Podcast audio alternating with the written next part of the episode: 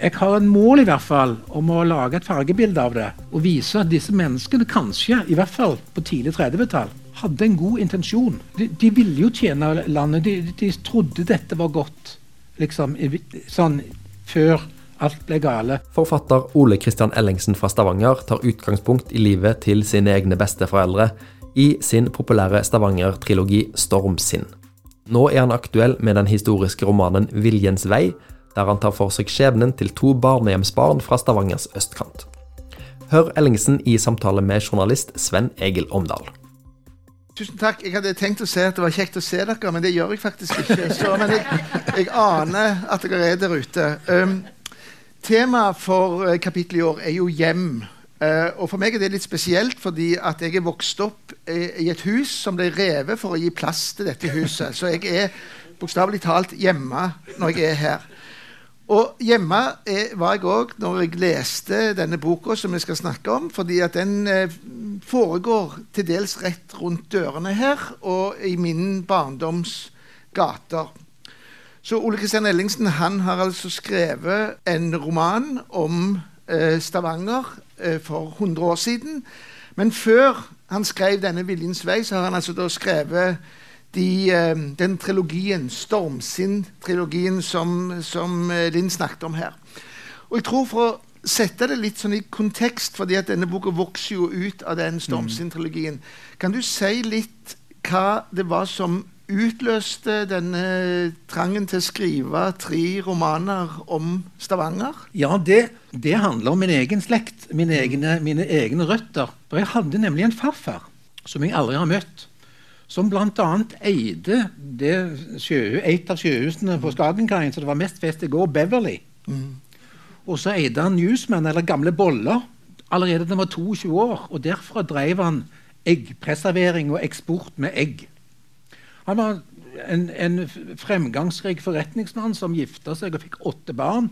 Flytta til et flott hus på Eiganes. Og så forsvinner alt plutselig da han dør i 1923. Og ingen har egentlig fått noen forklaring på hva som hadde skjedd, annet enn at han døde. Og de mista alt. Alt gikk på tvangsauksjon. Eller borte mm. vekk. Det kom brev fra banken dagen etter han døde, til, til farmor. Altså nå, nå sier vi opp lånene. Den var ikke begravd ennå. Mm. Men så har den historien den har liksom eh, bare lagt der i mine foreldre som en slags Soria Moria fra gamle dager. Og de, de var litt som skinnende og flott. men de, ingen hadde en forklaring på hva som skjedde.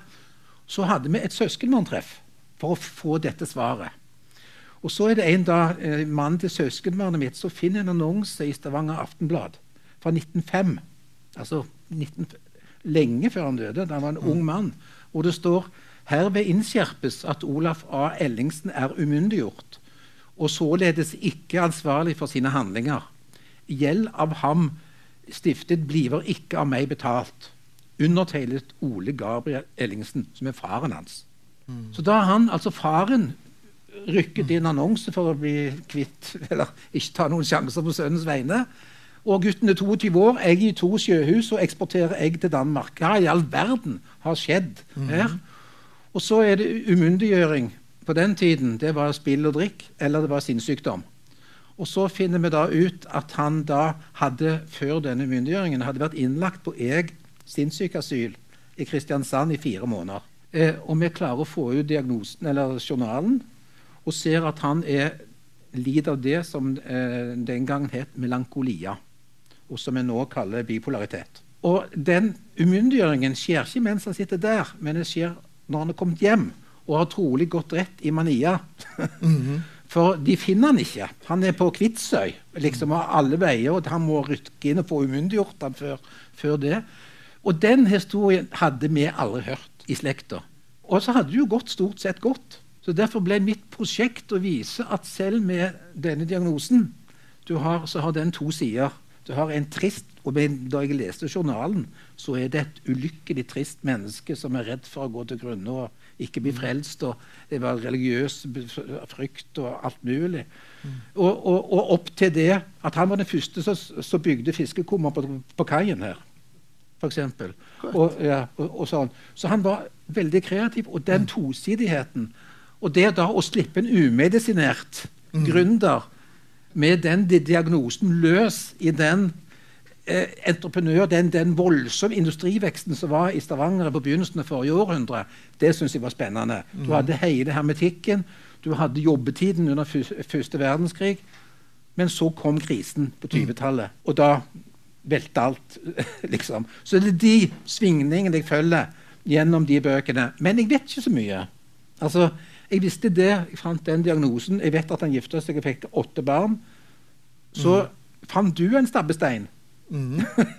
Ja, fortell om det. Ja, han, eh, eh, han hadde en bror som var skipsfører, han òg. Faren var, var skipsfører. Og så finner jeg en, en artikkel i Stavanger Aftenblad som sier et, en, en sigar for det stolte skipet Bell. Under første verdenskrig så ble da den største seilskuten i Norge senka av en tysk ubåt utenfor Irland. Kapteinen ble først kalt om bord i ubåten og fikk en sigar og, og, som trøst da, for at de måtte senke den. Og så etterpå så taua de livbåtene med mannskapet inn til Irland etter å ha senkt båten. Og båten gikk til bunns, størst eh, med 4000 tonn hvete og alt det. Skulle jo tro at far min hadde fortalt meg den historien. Liksom, Det var onkelen, dette, Som var kaptein. som var kaptein. Altså bror til din bestefar Ja. var kaptein på Bell. Ja. Ja, det Det var rart at de ikke hadde hørt det. Det var jo kjempegøy. historie. Men ingen visste det. Ingen hadde fortalt.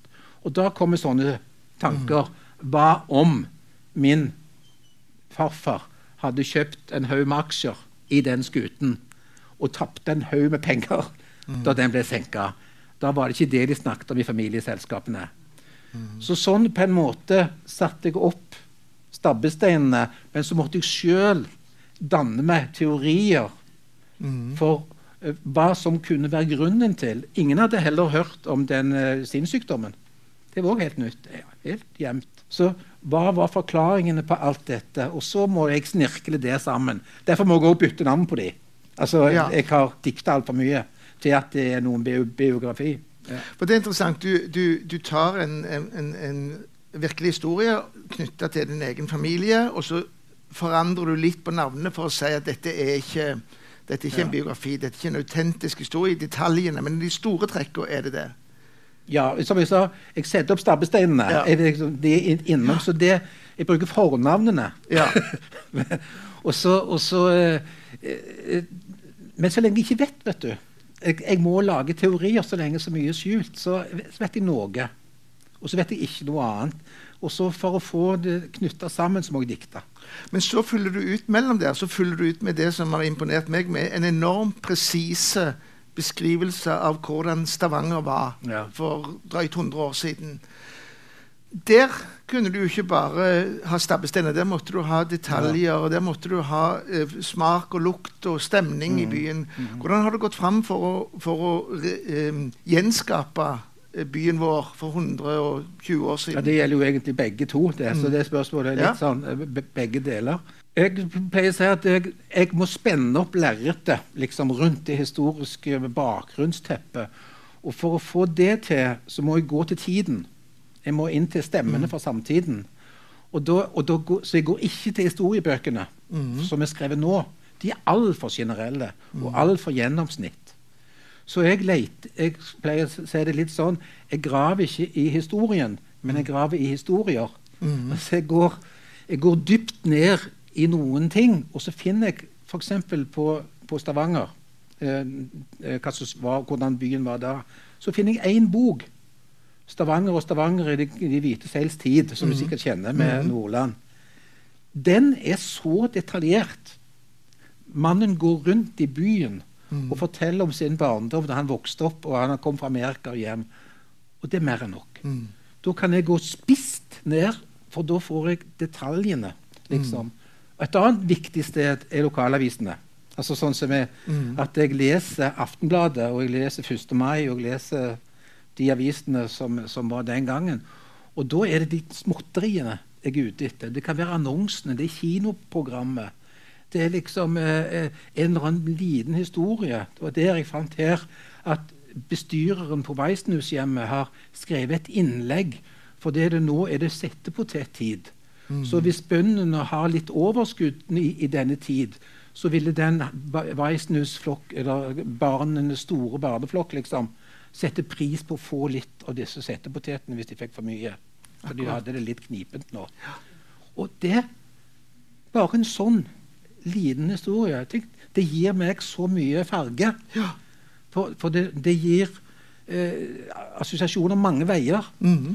eh, så, så, litt sånn jobber jeg. Altså, jeg prøver å finne her når jeg, når jeg er på denne jeg vet, jeg vet ikke hvor mange som kjenner det, men den møddingen, den Hillevågs, eh, fyllingen i Hillevågsvannet, illegal fylling i Hillevågsvannet, den dukket opp fordi at politimesteren i byen skriver et avisinnlegg på første side på 1. mai om at han ergrer seg sånn for alle de ungene som er nede på den fyllingen på kveldene. De tenner bål, og de springer rundt og lukter vondt. og sånn. Så hvis ikke dette nå tar slutt, så flytter jeg.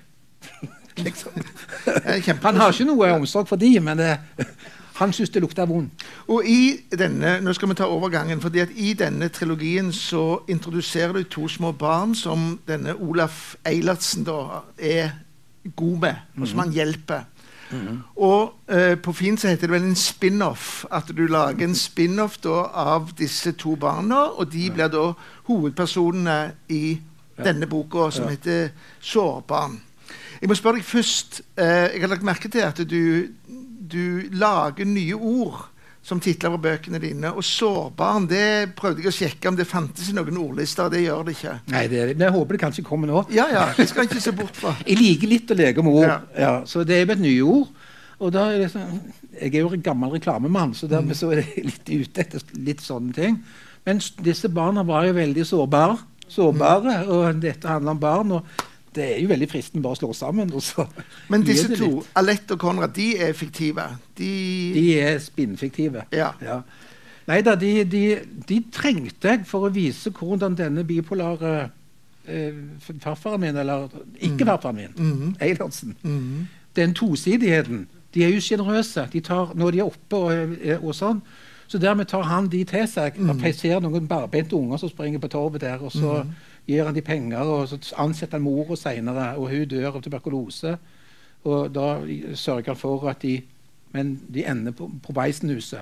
Da tror jo han, eller mm. de, at de har gjort noe godt, for det er jo Indremisjonen. Mm. At nå er de trygge. Men da, da jeg skriver dette, så har jeg allerede begynt å lese granskingsrapporten. Mm. Mm. så dermed så legger jeg inn. Og da har jeg bestemt meg for og hvor var Weissenhuset da? når de havnet der? Var det da fremdeles De var i Weissenhusgata. Ja, ja. ja, så de blir flytta på Weissenhuset, opp i Weissenhusgata, mm. og, og vokser opp der. Mor er død av tuberkulose, som veldig mange gjorde på den tida. Mm. Så du, du, har veldig mye av disse historiske begivenhetene som forma byen med her. En ting som du har med, og som er, er veldig framtredende i denne boka, det er fotballen. Mm. Og ikke bare den store fotballen som foregår på stadion eller på Siffen, men, men gatefotballen, de mange gatelagene. Um, La oss snakke litt om det, men la oss høre litt eh, om det du skriver om fotballen. Du har skrevet veldig mye fascinerende mm. om hvor viktig fotballen var for folk i byen på den tida. Ja, og tenk, jeg skal lese det først. Ja. Ja. Fotball åpnet dører. Den ga unggutter muligheter, fedre arbeid, fikk fattigfolk til å hjelpe hverandre, håpe, tro og se fremover, til neste kamp, til en ny seier eller mulighet til å revansjere et forsmedelig nederlag. Den holdt liv i praten på arbeidsplasser som fremdeles var i drift, reddet unger fra oppløste hjem, ungdom fra flasken, og bygde bro mellom en arbeidergutt fra Brønngaten og en rikmannssønn på beste Egenes. Her fikk den entrédøren til kjøpmann Cornelius T. Wiig til å bli stående på vidt gap mens huspiken var inne i huset for å hente Vig junior midt under middagen. En større naturstridighet var vanskelig å tenke seg på denne kanten av byen, der denne timen på døgnet var mer hellig enn kirketiden, og underlagt et nedarvet ritual som var like ufravikelig som opptaksseremonien i klubbselskapet og rekkefølgen på bystyrerepresentantene i 17. mai-toget. Men var det sånn? Var fotballen så viktig? Det tror jeg. Ja. For der er det en mann som heter Reidar Kvammen, mm -hmm. som inspirerte meg litt. Ja. Det var jo skomagersønnen fra mm -hmm. uh, byen her, mm -hmm. som da ble spilte på gatefotball, ble plukket mhm. opp av Finn Brodal, mhm. havna på Viking, og til slutt slår Hitler på Olympiastadion i 36. Altså den reisen, den veien.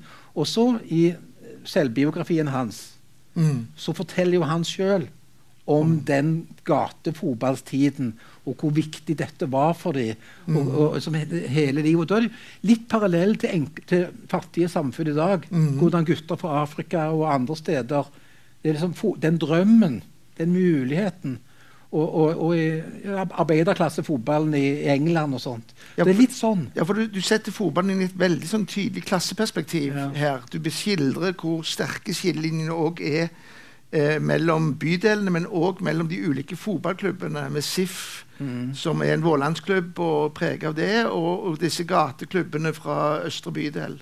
Det har ikke litt mer dekning for enn det vår, gutter på vår alder husker fra den gangen. Altså, Far min var SIF-tilhenger, og han var høyremann. Ja. Liksom. Ja. Ja. Og, så, var det de som var, holdt med Viking. De kom gående fra Tastad med frakken på armen inn, og var det ingen som kjørte. liksom. Så, det, det var en annen klasse. Så hører jeg at du har jo brukt uh, historiske modeller òg for disse andre figurene. sånn at folk når de leser dette, så kan de prøve å gjette da, hvem er det som skjuler seg bak dette. Jeg kan det, litt. Ja, ja. I tillegg til, til Konrad og så er det fremdeles sånn at Stavanger spiller en veldig betydelig rolle i, i, i bøkene dine. Altså du, du følger byens utvikling, Mm. den økonomiske, politiske utviklingen. Um, hva tenker du, er dette en eh, er det, Hva slags type roman er det du vil lage? her? Altså, er, det er det lokalhistorien du gjerne vil løfte inn i romanen, eller er det, eller er det menneskene du vil løfte inn i lokalhistorien? Det er mer det siste. Altså, det Ja. er mennesket, skjebnen og tiden. Mm. Alt foregår jo et sted. Altså, Lars Saabye Christensen foregår i Oslo, og Jacobsen på Helgeland. Mm. Dette foregår her. Og jeg vil si at Stavanger er litt var litt sånn Norge på speed. Eh, Ja. Det, det, det var litt ekstremt alle veier. Beskriv litt litt Stavanger sånn- for oss. Eh, nå er vi på 1920-tallet. Krisa som begynte i 1920, den har vart noen år. Hvordan, hvordan var livet i Stavanger da, når du går inn Ja. i eh, Da hadde de hatt det fryktelig godt under k- første verdenskrig. Da hadde alt gått til værs, og alle hadde jobb. Hermetikken gikk som det skulle. Så kom jo bankkrisen, først i 21, mm. og hermetikkproduksjonen stopper. Eh, Det blir verre og verre. Så velter to banker i 23. Folk taper 40% De får igjen bare 40 av sparepengene sine, de som hadde, mens lønningene går ned samtidig. Gjelden er den samme. Eh, og så eh, Skipsfarten stopper jo opp. Mhm. Eh, og, og, og næringslivet begynner å gå konk. Folk mister arbeidet. Det er 20% arbeidsløshet. Det er ikke noe Nav. Mhm. Det er liksom, det er forsorgen. Nødarbeidene begynner. Gangstien rundt Mosvannet ble bygd med nødarbeid den gangen.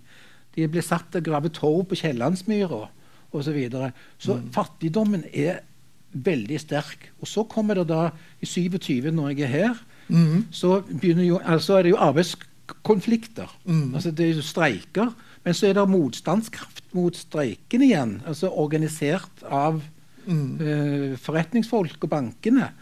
Eh, så- Og så blir det slåsskamper og alt det. Og så kommer da den såkalte voldgiftsloven. Som setter ned lønningene til folk for å bli slutt på alle disse streikene. Så setter de det der 15 poff. Mm. Og så vedtar de samtidig den såkalte eh, tukthusloven mm. som gjør det forbudt å, å protestere mot streikebrytere. mm. Liksom. Og det strenge sam- straffer. Ja, Ja. De ble satt i fengsel hvis de offentliggjorde Ja. navnene på de som hadde vært streikebrytere. Ja. og sånt nå. Så altså polariseringen og, og, og fattigdommen var sjokkerende for meg, må jeg si. For da har du beveget deg inn i det som eh, andre har kalt for den galna tida. Altså Ja. hvor Stavanger var revet eh, mellom en i hvert fall retorisk veldig radikal arbeiderparti, eh, arbeiderbevegelse, og så hadde du jo alle disse bedriftseierne som eide bedriftene på den andre sida og streiker. Og Konrad han havner jo midt oppi dette. Mm. Um, har du følelsen av at men jeg tenker at, Stavanger har vært en sånn konsensusby? At det her, det her feier vi uenigheten under teppet. Men det er ikke det som kommer fram i din bok. Det, det går hardt for seg.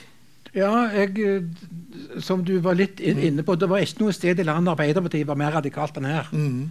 Som Eivind Dahl og gutta de var, de var de siste som sto på Moskva-testene og, og Stalin-doktriner og en med den andre. Mm. Så de var jo mer radikale enn Tranmæl, liksom. Og, og, og alt det. Og det i en by. Og de var uttalt hedninger. Mm. Det må du ikke heller glemme. I misjonsbyen. Mhm. Så altså, her ligger det masse ting som skaper konflikt og skaper motsetninger og vanskeligheter eh, for folk. Så, for hvor, hvor hører de til, og hva skal de tro på? Hvem skal de holde med? Når du skildrer disse til dels kampene og, eh, mellom streikebrytere og folk som skal beskytte streikebryterne, hvor mye av dette er reelt, og hvor mye er fiktivt? Selve slaget på Tinnfabrikken er diktet opp. Mhm. Men det var et tilsvarende slag på Nattruten noen år før. Mhm. hvor da, det var streikebrytere som kom for, å, eh, for å losse når havnearbeiderne streikte. Mhm. Da rykte Samfunnsvernet ut med politieskorte. Mhm. Og da foregikk det en tilsvarende kamp. Og de ble arresterte, de som eh, de Arbeiderpartilederen og, og, og, og sånt. Så jeg har på en måte tatt en historisk hendelse Mhm. som skjedde en annen, en annen gang et annet sted, mm. selv om jeg nevner den. Og så flytter jeg den opp i min fiktive tid. For det kunne godt ha skjedd, for det var- skjedde sånn mm. mange plasser ellers òg. Ja. Um, jeg legger merke til at du Det er lite bedehus i, um, i, i bøkene dine. Altså, hvor, hva tenker du om den religiøse dimensjonen i byen her? Jeg var jo litt, I Stormsinn er jo det mer Mm. framme. Mhm. De, de var jo bedehus eller, Mm. eller kir kirkefolk. Eh, det er jo Weissenhuset her som er Indremisjonen, og de på, får på en måte inn eh, barnetroen eh, den veien med, med pisk, omtrent. Så så eh, hva, altså Det er det bare. Altså. Det er nesten som det er en del av blodomløpet til folk. Ja. Jeg tenker på, altså I Østre bydel så var det jo sånn at det var arbeiderbevegelse, og så var det, eh, så var det veldig sterke religiøse strømninger samtidig mm eh, på den eh, delen.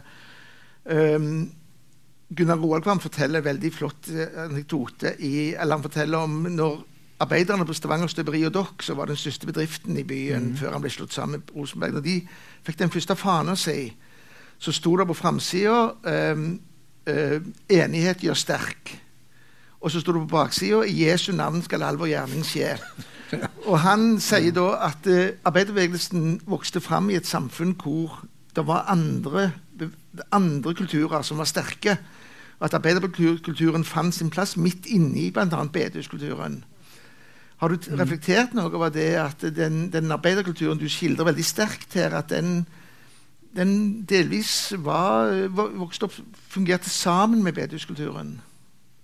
Ja, jeg har ikke tenkt på det akkurat sånn, nei. Det, det, her, har de, her er jeg litt opptatt av å vise baksida. Ja. Uh, liksom den uh, hykleriet litt Mhm. ja, som jeg er inne på når jeg er på Weissenhuset her. Ja. Det er noen ærlige, men det er òg andre ting. De blir brukt som makt. Ja. Og Da kan vi gå over til veisnuset, for det er jo et det er jo et sårt punkt i boka di, Ja. den skildringen din av veisnuset. Hva var det som skjedde på veisnuset? Jeg var et barnehjem. Altså, jeg visste jo heller, eller jeg vokste opp med Weissenhus-gutter og alt Mm. sånt. Og, og jeg trodde jo ikke det var så galt, jeg heller. Men så kom jo denne granskingsrapporten. Mm. Eh, folk begynte å bli intervjua og fant ut at det var ganske mye overgrep opp igjennom. Nå, de som var intervjua, det var jo på, fra 50- og 60-tallet. Mm. Men jeg tipper vel at det ikke var stort bedre 20-30 år før. Mm. liksom. Så alle de historiene jeg forteller om her, Mm. det har jeg henta fra granskingsrapporten. Ja, akkurat. Så det og flytta du og flytta de bare? Jeg bare flytta de litt lenger tilbake. Dette skjedde på Emmaus. Mm. Altså de, derfor da hadde de flytta. Mm. Men jeg flyttet de da 30 år tilbake i tiden. Straffemetodene, ritualene rundt spising eh, og altså, seksuelle overgrep mellom den veien, holdt på å si, Mm. mellom kvinner, kvinnelige forstandere og gutter osv. Som de beskriver sjøl i Ja. in intervjuene. for det er et temmelig rigid regime du beskriver Ja. der inne. Det, du, det var så, og du, hvis du har flytta det fra 50-60-tallet, så betyr det at så seint så var det så tøft. Da var det iallfall da. Men Ja. altså, nå er vi på 20-tallet. Ja. Men så fant jeg en, en, en, en, en ting som støtte for min te teori. Og det var et festskrift fra Weissnusets 75-årsjubileum, som kom ut i 1952.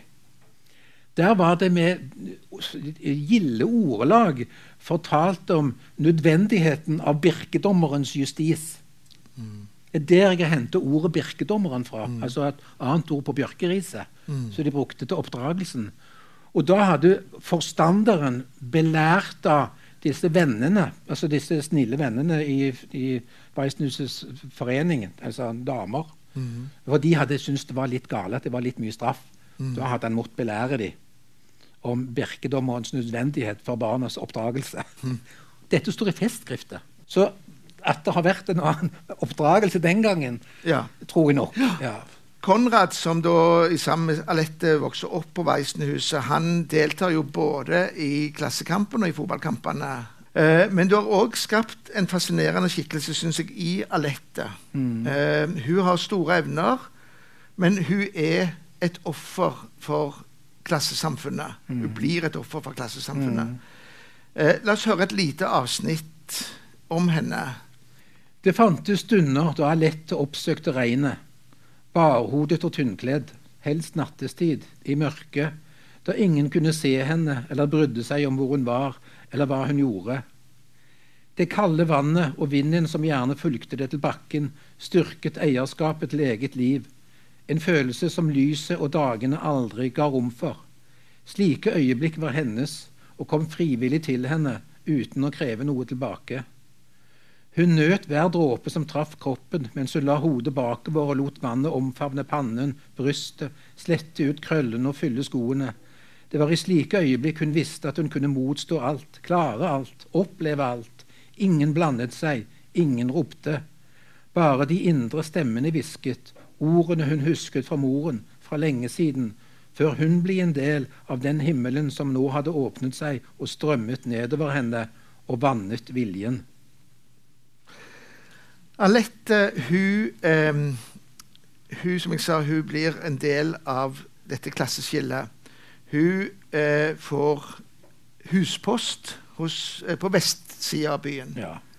Og der går det som det ofte går. Du kan fortelle litt om det? At, uh... Det går som det ofte Hun hadde jo byens peneste slangekrøller, da. Mhm. Det må du ikke glemme. Mary Pickford, eller? Uh, Ja, litt sånn Mary ja. Pickford-aktig. Så hun uh, var jo attråverdig. Mm. Så hun blir jo da dessverre Får besøk av mm. sin husvert en Mhm. aften. Og det var ikke så lett å si nei Mm. den gangen. Eh, og, og hun ble da gravid, stakkar. Dette skal jo under teppet. Eh, Mm. liksom, hun, hun, hun ble jo oppsagt, for det er jo hun som får skylda. Mm. Liksom, det er hun som har frista han. Det er jo ikke omvendt. Mm. Så hun må ut. Og husk at de, de tjente 50 kroner måneden. Mm. Liksom, det, var, det var det de hadde. Fattig eh, de, Og fri hver halve søndag. Ja, halve, halve søndag. Så fikk Mm. de spise det maten som var igjen. og sånt. Så, så det var det. Hva valg har hun da? Mm. 18 år, 17-18 år gammel, er Mm. blitt gravid. Mm. Og da vet du at dette ble jo kalt for eh, horunger og løsunger. og Mm. sånt. De, noen, hvis du var heldig, kom du på Weissnuset. Det kunne jo òg ende Mm. alle, alle plasser. Hennes skjebne ville jo bli ugift mor Mm. og forbli i fattig resten av livet. Og Derfor ble dessverre mange tvunget til illegal abort. Mm. Og det var jo en alvorlig forbrytelse den gangen, så du kunne få flere år tuktus hvis du ble tatt i. Mm. Men hun velger det som, Mm. det, som det eneste er Godt hjulpet av venninner og, og, og litt sånne autoritetspersoner rundt henne. Men hun velger å ta den illegale aborten som går så som så. Mm. Mm. Ja. Hva, kan vi si mer om kvinnenes stilling på, på den tida, på 20-tallet? Altså, det er jo mange kvinner som har arbeid. I, mm. I den grad det er arbeid igjen i byen. Så I den grad hermetikken fungerer, så jobber de der. Mm. Og så har du eh, kvinner som eh, fra borgerskapet som ennå har penger og, og sånn. De skal jo ikke jobbe, vet du. Nei. De skal være med i veldedige foreninger. Og så var det altså de, Det var de som samla inn penger til Veisenhuset. Og, ja. Men hva, hva har du funnet om kvinnenes stilling i Stavanger? Altså Eh, Altså, de hadde jo altså, i, det kom, Hermetikkindustrien Mm. var jo en kvinnebransje. mm, Eh, men det var jo sesongarbeid. Så Dermed så hadde de jo ingen vern. Mm. Og det, som det var jo or or organiseringen forsvant, Mm. mer eller mindre. Så de ble jo ansatt når det var bristling, og så ble de sagt opp igjen. mm, Og så tjente de bare halvdelen av mennene. mm. For de hadde jo ikke forsørgeransvar. Det var forklaringen på det. Så det Ja. jo, de trengte ikke mer. Ja, så det, da tjente de eh, Også syersker, da. De tjente tre kroner på å sy en dress. Mm. Det var liksom det. Så alle de kvinneyrkene som var altså sydamer, eh, hermetikkpakkersker og alt det, de, var jo, de, var jo, de tjente jo nesten ingenting. Altså så Huspiken, som jeg sa, fem, Mm. 50 kroner måneden. Mm. Så ei, ei krone og 30 øre dagen, liksom. Så det var stort sett sånn at kvinner kunne ikke, de kunne ikke eksistere alene. på Nei, de måtte gifte seg. Nei, de måtte Nei. gifte seg. Ja. Og da er et barn en enorm hemsko. Hvis Ja. Du, ja. Ja. Men Da går det gale. ja eh, Du skildrer jo da hva som skjer med en kvinne da, som oppsøker en såkalt klok kone, eller mm. en, altså en illegal abort.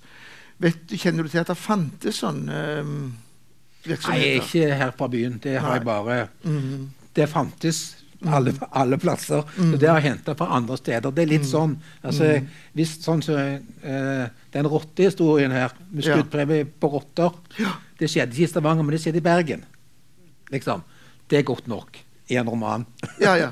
Du importerer Så det er litt sånn, i, Har det skjedd en plass, eller noe annet sånn, så, kan, så kunne jo godt ha skjedd her òg. Ja. det er det som er romanens frihet, og ikke, at det ikke er historie. Så vi skal lese dette som sant i, eh, som en sann skildring av Stavanger i, i de litt større tingene. og ikke Ja, du kan se nødvendigvis... for tiden En sann historie om Norge som foregår i Stavanger. tilfeldigvis. Ja. det er litt sånn. Altså, om, om de tidene. Ja. Ehm, på slutten her så Alette hun klarer seg jo. Eh, og så begynner hun å Hun skaffer seg en symaskin og begynner å sy. Og så får hun et oppdrag som for meg er et varsel om at det kommer en ny tid. eh, og det virker som om du er i gang Jeg får tolke deg slik at 'Viljens vei' er samme som 'Stormsinn' er en slags hovedtittel på en ny serie bøker. Kan Ja, du si det? du, det? kan hende du har rett der. du har truffet noe der. For du er, du er nemlig et veldig tidsskille i Stavanger. Jeg syns, altså Etter hvert som jeg gravde meg ned i det mm. altså Det kom jo- inn i det litt sidelengs. Mm. det. Men altså mellomkrigstiden Mm. er en underkommunisert tid som, er, er, som trenger å få både litt mer farge Det var en veldig sort-hvitt tid eh, sånn sett for oss. Og det skjedde mye som var bakgrunn, som skapte vår tid. Mm. Dette er jo foreldrene våre sine barndom. Mm. dette her. Og, og, og her er det fattigdommen jeg er inne i. Mm. Men så kommer jo da den eh, som jeg begynner så smått med, den gryende nasjonalismen Mm. som kom inn. Det er det Fridtjof Nansen. Det er liksom de strømningene. Og ikke minst frykten for det som hadde skjedd i Russland. Revolusjonen der. Forferdelige historier som kommer drivende inn. Mm. Med at de prester og kirker brente, og, de, Mm. og, og, og hedenskapen og bolsjevismen og, alt det her. Som kommer da drivende inn til, til misjonsbyen. Mm. Eh, og så er det samtidig det mest radikale kommunistpartiet i landet. Mm. Uttalte hedninger. Står og holder 1. mai-tall og sier 'jeg er hedning'. Mm. Det skaper jo eh, Så det jeg er nå Og det begynner jeg å så så vidt i dette, dette bindet, at eh, det kommer en det kommer en tid nå, Mm. og da, jeg, da flytter jeg til 30-tallet. Så, neste avdeling eller bind, den, den flytter jeg til 33. Mm. Og da har du helt rett i. Mm. Da er vi midt oppi den voldsomme polariseringen Mm. som da kommer mellom det gryende NS, det radikale kommunistpartiet, og kristendommen, altså kristenfolket i, i byen. Hvilken side Mm. skal de velge, liksom? For nå, nå, nå er ennå ikke antisemittismen kommet inn. Mm. Nå er det frykten for antikristendommen, Mm. til bolsjevismen som er der. Og da blir de forvirra. Så folk blir liksom Hvem skal vi tro på? Mhm. Så det syns jeg er spennende å, å gå inn i. Men, men å gå inn i det på litt på samme måten. Gå inn i det fra vanlige folks ståsted. Ikke fra de som driver historien, men de som blir utsatt for den. Mm. Og som, som blir sittende og se forvirra mm. rundt på hvem, hvem skal vi tro på. Altså, og som har paralleller til vår tid. Liksom nå, Mye av dette her Sånn så Når jeg skriver om, om, om uh, Alette her, når hun går gjennom Bilbao, som vi kaller det, altså spanskesyketiden Mm. ja, Det skrev jeg akkurat da pandemien kom. Ja. Og prøvde, for da så jeg hvordan folk reagerte. Mm. Altså Hamstringen og alt det der. Mhm. Liksom, da henta jeg på en måte inspirasjon fra det. Og når jeg nå ser trumpismen og ser på de polariseringene i nasjonalistiske bevegelser i Europa, så er det veldig mange paralleller Mhm. som jeg har lyst til å altså, du, du kan òg eh, Iallfall håpet mitt at du skal også kunne lese det litt ut fra det vi ser rundt oss. Ja, og det er jo. Du, du, du skildrer jo denne byen som altså, eh, Hvis vi går tilbake til der vi starta, nemlig til, til Olaf A. Eilertsen, da, eller din eh, Japp. Ja. eh, så er det jo sånn han er bipolar, eller var bipolar, som du, som du fortalte. Og han har disse store svingningene. Men der jeg ser en veldig tydelig parallell til den byen som du har som ramme, som òg går gjennom veldig store svingninger, som er veldig høyt oppe. Du sier at han slår seg opp i denne gründertida, hvor òg uh, Bjelland og, og Bergesen eh, slår seg opp, og du får disse nye borgerskap i byen som, som starter bedrifter, og du får hermetikken som vokser fram. Og så krasjer det hele i, eh, etter andre, første verdenskrig, og du får en dyp depresjon, og så vet du at, eh, at det svinger da med at eh, Stavanger blir en veldig den blir ekstrem eh, på venstresida, og så blir han ekstrem på høyresida. Um, dette med altså denne byen er det, Du tenker at det kunne passe på Bergen? At du, at du blir storslagen når du er høyt oppe og dypt nede. Men, men har du blitt forundra over hvor sterk denne byen er i utslagene sine? Ja. Ja. Jeg syns nesten det er Norges mest bipolare by. Altså Ja. det men det ser du, se bare på hva de, hva de syns om Viking. Mm. Enten så er det liksom blir blir seriemester med en gang, bare Mm. du vinner én kamp. Eller så, går det, så er det forferdelig. Hvis det, Mm. liksom, det, det er ikke noe mellom. Så, så jeg syns svingningene har vært påfallende. Eh, helt fra silden forsvant på 1800-tallet, Mm. og så går det helt i dass, og så går det opp igjen, og så går det ned igjen, og så går det opp igjen. Så det snur fort. De, det er sånn olja. Mm. Plutselig er det krise, og så går alt bra igjen. Ja, for det er vel sånn I denne historien, i, i byens historie er det sånn at alle skal gjøre det samme. Ja. Altså Når silda var, så skulle alle jobbe i silda. Når seil var, så skulle alle jobbe med seil. Visste du alt dette når du begynte å grave? i? Nei. Nei. Nei. Er overraskende lite, Ja. egentlig. Hvor, hvor liten vi kjenner vår egen, vår egen historie. Det var, Mm. det var For å gå litt tilbake til, til, til begynnelsen Det var jo historien til mine foreldre på en måte som hadde skapt det jeg trodde. Ok, Det var før og etter krigen. Det var liksom Mm. sånn, det skjedde etter krigen, det skjedde før krigen. Men de, hadde ikke, de fortalte egentlig ikke så veldig mye om hvordan det var. Liksom, og jeg var ikke interessert heller. Nei. Det var vikingtiden som var spennende. Det var ikke Ja. Sverdrup og sånt. Det var kjedelig. Ja, for du har, skrevet, du har skrevet bøker som er mye lenger tilbake i tid, og så beveger du deg inn i din tid. Hva var det mest fascinerende du oppdaget når du begynte å grave? Er du her nå? Ja. Eh, jeg var ikke klar over at Stavanger var den sterkest nazistiske byen på tidlig 30-tall. Mm. Mm. Den ble kalt Lille München. Mm. Det var helt ukjent for meg. Mm. Og jeg visste heller ikke at vi hadde det mest radikale kommunistpartiet. Mm. Og det var det som ble litt fascinasjonen. Altså, det ene nærte det andre. Mhm. Og det er det som er, er som, Det overraska meg. Og, og, og jeg fant figurer som Gulbrand Lunde, som er Mhm. eh, nevnt så vidt. Eh, ikke her, men han kommer. Hermetikk, forma- eller direktør på Hermetikkfagskolen. Som starter NS i, i byen, og som blir Mhm. Hitler sin propaganda... Nei, Quisling sin propagandaminister. Mhm. Aldri hørt om meg før jeg finner det ut nå. Også, så at det, det overrasker meg. At, og hvor dekt Mhm. Skjult Uff, det kan vi ikke snakke om. Mhm. Ja. Litt sånn som den uh, diagnosen. Mhm. Altså NS, det var Mhm. tabu. Ja, så, og det, det har jeg lyst til å Men så har jeg litt Prosjektet mitt er Jeg syns veldig ofte at det blir enten så det skurker eller, eller helter. Altså disse krigshistoriene våre. Mm. Det er veldig sort-hvitt. Mm. Eh, Jeg har en mål i hvert fall om å lage et fargebilde av det. Og vise at disse menneskene kanskje, i hvert fall på tidlig 30-tall, Mhm. hadde en god intensjon. Mhm. Eh, De, de ville jo tjene landet. De, de trodde dette var godt liksom, sånn før alt ble gale. Altså Fridtjof Nansen ville jo blitt gått med Gjennes, han, hvis han ikke var død i, i, i, litt før. Han var heldig der. Men han var jo med i fedrelandslaget. Mm. Og det er jo derfor de kom. liksom, De som starta det. Mm. Eh, men de var jo de var jo snille. Så, så liksom jeg, har lyst til å prøve å, å, å lage, lage menneskene hele. da. Eh, og, og forsøke å forklare hvorfor dette kunne skje.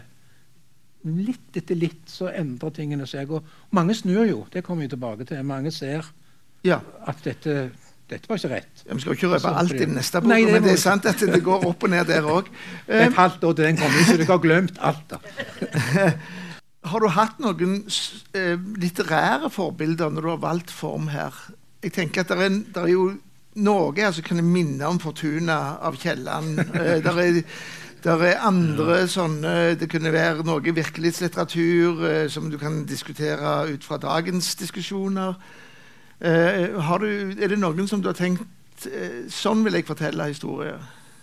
Eller historier. Ja, ikke direkte, men, men jeg liker godt Sobe Christensen og mm. Jacobsen. Eh, det kan jeg vel si, av, av samtidslitteratur. Og for det syns jeg har litt av den samme frodigheten og samme detaljrikdommen Mm. som jeg eh, liker. Mm. Eh, og så har de òg noe litterært som jeg vil strekke meg etter. Mm. Altså, jeg prøver ikke bare la som jeg prøver også for sånn, Særlig Saabye Christensen. Mm. Det er jo så litterært i tillegg, liksom setningene vi finner der. Så det er liksom litt sånn Ja, det, det vil jeg strekke meg etter. Mm. Så hvis det er noen som jeg skal si som inspirerer meg, så er det mer det Mm. enn Kielland og, og, og de, de gamle. Selv om språket mitt er jo bevisst lagt litt tilbake til den tiden. Mm. Og jeg velger jo òg ord som ikke er moderne. Altså alle sånne, Jeg skriver ikke 'jobbe' Mm. her. Mm. Og sånne problemer. Du finner ikke det ordet her. Mm. Det, det, det er norske og det er vanskeligheter og det er arbeid og det osv. Mm. For å prøve å gjøre det mest mulig tidsriktig. Men det kommer jeg til å utvikle. Altså, så når jeg nærmer meg oppover i 30-tallet, så kan det godt være at du dere opplever å finne Plutselig så begynner jeg å skrive fram. For du, du, du røpte jo at du har jo brukt livet ditt til, til å jobbe i reklamebransjen. Hva vil du si du har tatt med deg av erfaringer derfra? Du har jobba med språk i en helt annen sammenheng. Ja.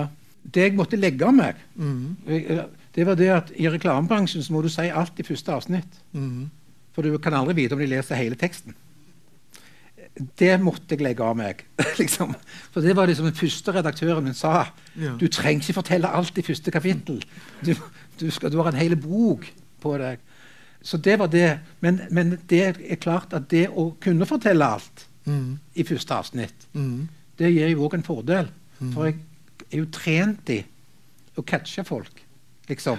Finne noen spissformuleringer og titler. Og, og, og hva er det som Mm. kan få folk til å, å lese videre. Så det, sånn sett så har jeg vel også jeg dreven Jeg skrev alltid. Ja. Altså, du skrev du måtte levere, enten du var inspirert eller eller hadde vært på Fargegaten eller hvor du hadde vært hen. Du måtte levere hele veien. Så det å produsere, skrive hele veien, det er òg det er jeg trent på. Det, er trent på, og det skal du fortsette med, skjønner vi. Eh, jeg kan ikke si annet enn at jeg anbefaler alle å lese 'Viljens vei'. og Istedenfor å stå i kø på bibla, så går det an å skaffe seg boka. Ja. Ikke sant? Eh, så takk for at dere kom eh, her til Sølvberget og hørte om De er jo fra Sølvberget, disse her. Alette de og det? Konrad. Ja, ja, visste de det. De Så det er to, to unger fra Sylla. Så takk til alle sammen. Og takk til deg.